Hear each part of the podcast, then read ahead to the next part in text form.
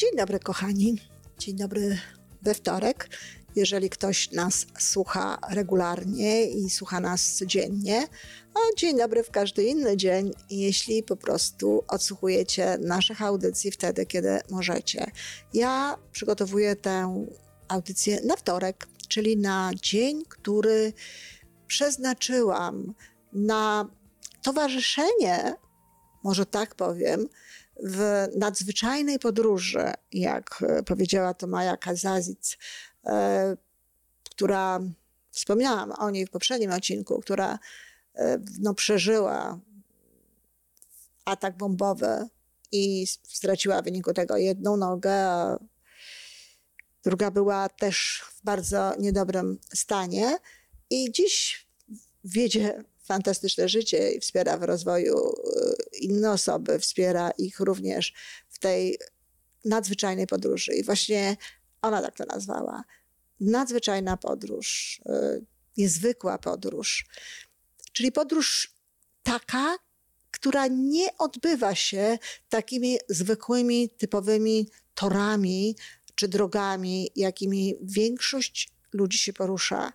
Oczywiście każdy z nas ma życie inne, bardzo indywidualne i o każdym życiu możemy powie powiedzieć, że jest to niesamowita podróż. Natomiast tu, w tym wypadku, kiedy to życie no, jest nagle, czy nawet czasami od samego początku, postawione na innej drodze niż się szło, kiedy ta podróż kompletnie się zmienia albo kompletnie wymaga innego podejścia, no jest jakby z zasady, jakby jest to o wiele bardziej zrozumiałe, że taką podróż można nazwać niezwykłą. I tak jak mówiłam na początku, ja szukam słów, szukam słów, bo dla mnie słowa są bardzo ważne i w ogóle zachęcam do tego, żeby słuchać słów i żeby nawet samemu o sobie mówić w taki sposób, który buduje, a niekoniecznie w taki, który no, osłabia nas.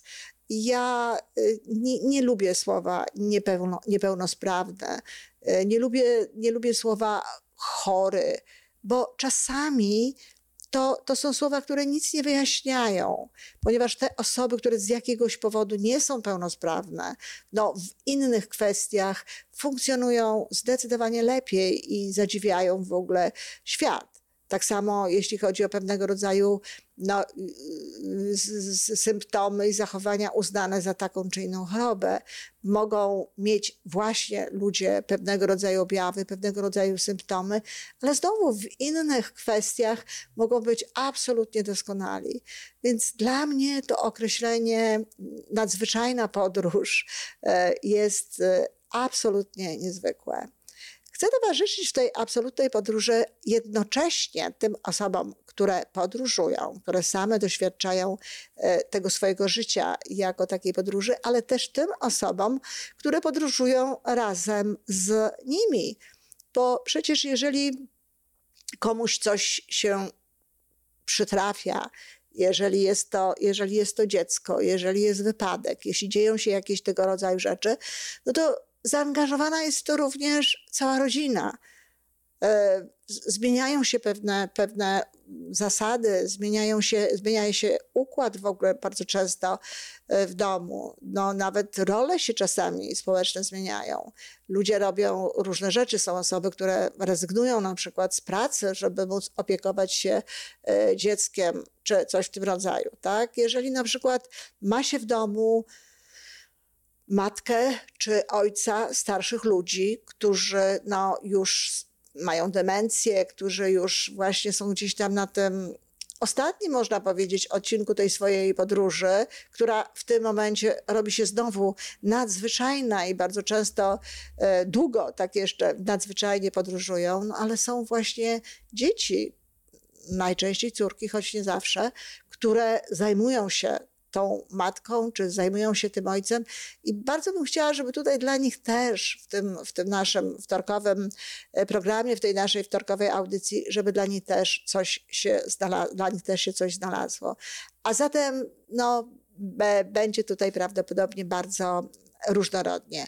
To, o czym chcę dzisiaj powiedzieć, to chcę powiedzieć o takim zjawisku, który, y, które nazywa się resilience po angielsku. I można powiedzieć, że w tej chwili ta, ta cecha jest bardzo mocno obserwowana przez y, psychologów zajmujących się naukowo jakby psychologią, czy empirycznie zajmujących się psychologią.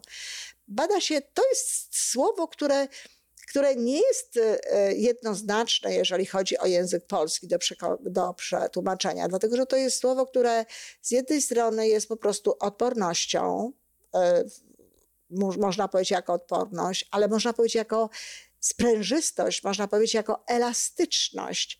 Najlepiej jest to, to słowo resilience, to słowo właśnie e, e, no, powiedzieć o, o, o odporność, elas, może elastyczna odporność. Elastyczna odporność to jest coś takiego jak na przykład, kiedy, nie wiem, e, od, odciągamy w, jaką, w jakąś stronę metalowy pręt, czy metalowy, mm, no jak, jak, jakiś taki przedmiot, jakąś wstęgę metalową, ale taką y, dość y, konkretną, dość taką strukturalnie silną, mocną, odciągniemy ją trochę i ona wróci na swoje miejsce.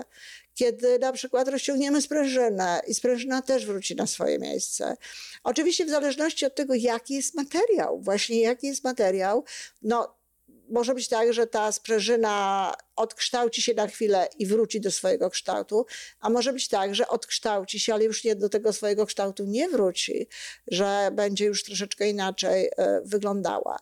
No i to jest właśnie taka odporność, taki szczególny rodzaj odporności, którym, tak jak powiedziałam, w tej chwili psychologowie się zajmują, no w ogóle generalnie, bez względu na to, jaką drogą człowiek e, podąża, czy nadzwyczajną, czy dość taką e, typową, charakterystyczną dla wszystkich.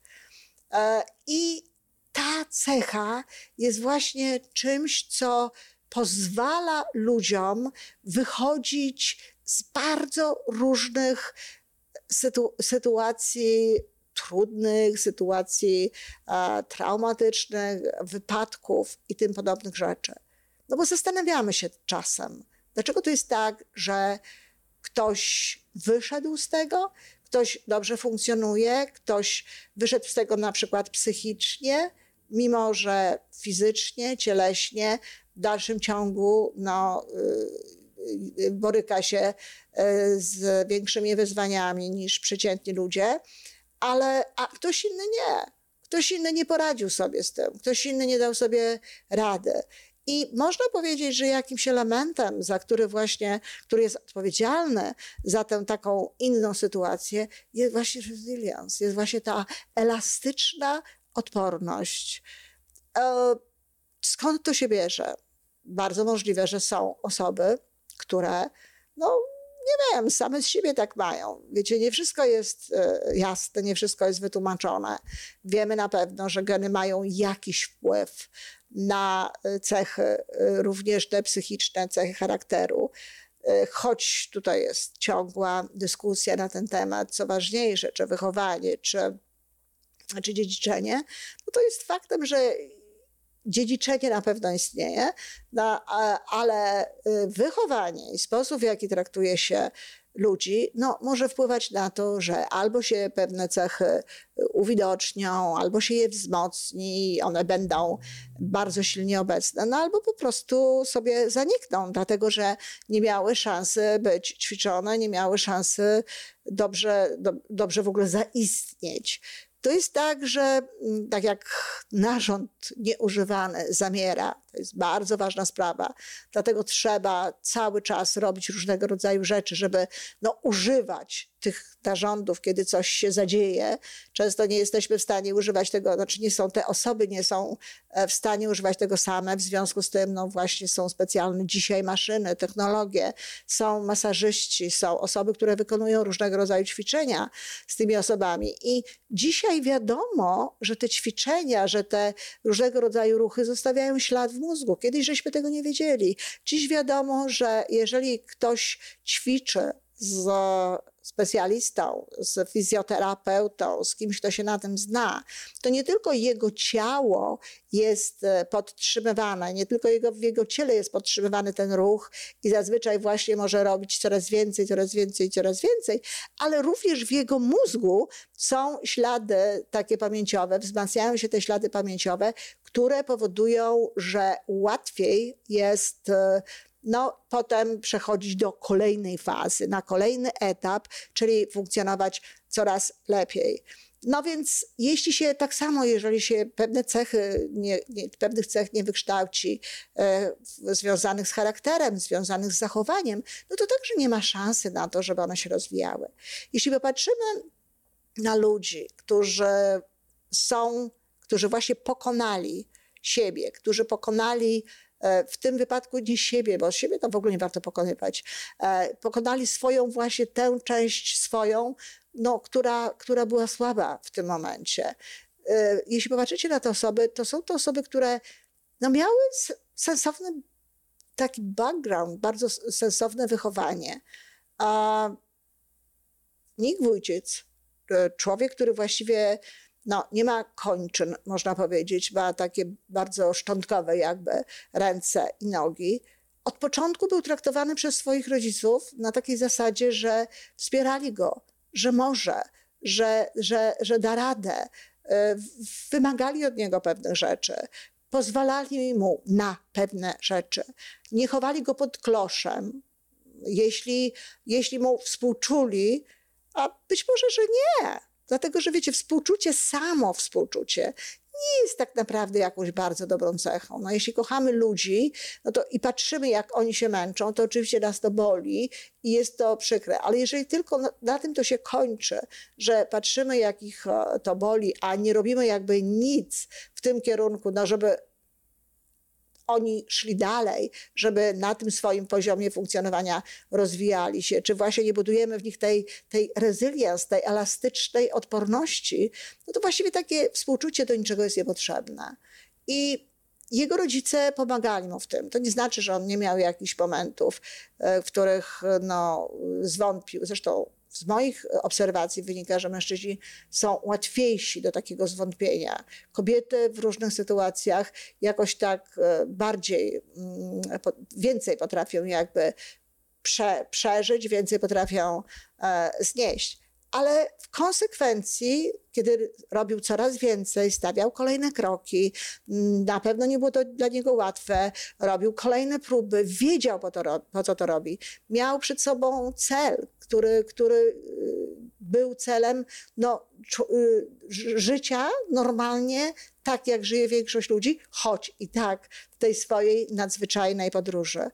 No i dziś nikt, nikt robi wszystko ma kochającą żonę, ma dzieci, pływa, prowadzi szkolenia, korzysta z całego szeregu cudownych tych rzeczy, które dają, daje dzisiaj e, cywilizacja i jednocześnie to, co najważniejsze, bo może nie zdajemy sobie z tego sprawy, patrzymy tylko na to, co mogą dostać od świata ludzie, ale on również wkłada do świata i właśnie ten wkład do świata jest ogromnie istotny, ogromnie ważny. Wcześniej możemy ten wkład dawać, tym lepiej. Czyli budowanie elastycznej odporności. E, to muszą być zakazy. Nie można, ta, nie można dziecka rozpieszczać, nie można dawać mu taryfy ulgowej na pewne rzeczy. Jeżeli mamy dwoje dzieci i jedno dziecko nie może na przykład robić tego czy tamtego, to drugie dziecko, tylko dlatego, że jego droga jest inna, też nie może tego robić trzeba po prostu pokazywać tym dzieciom, traktować te dzieci e, no, w taki sam sposób. Ktoś powie, no jak?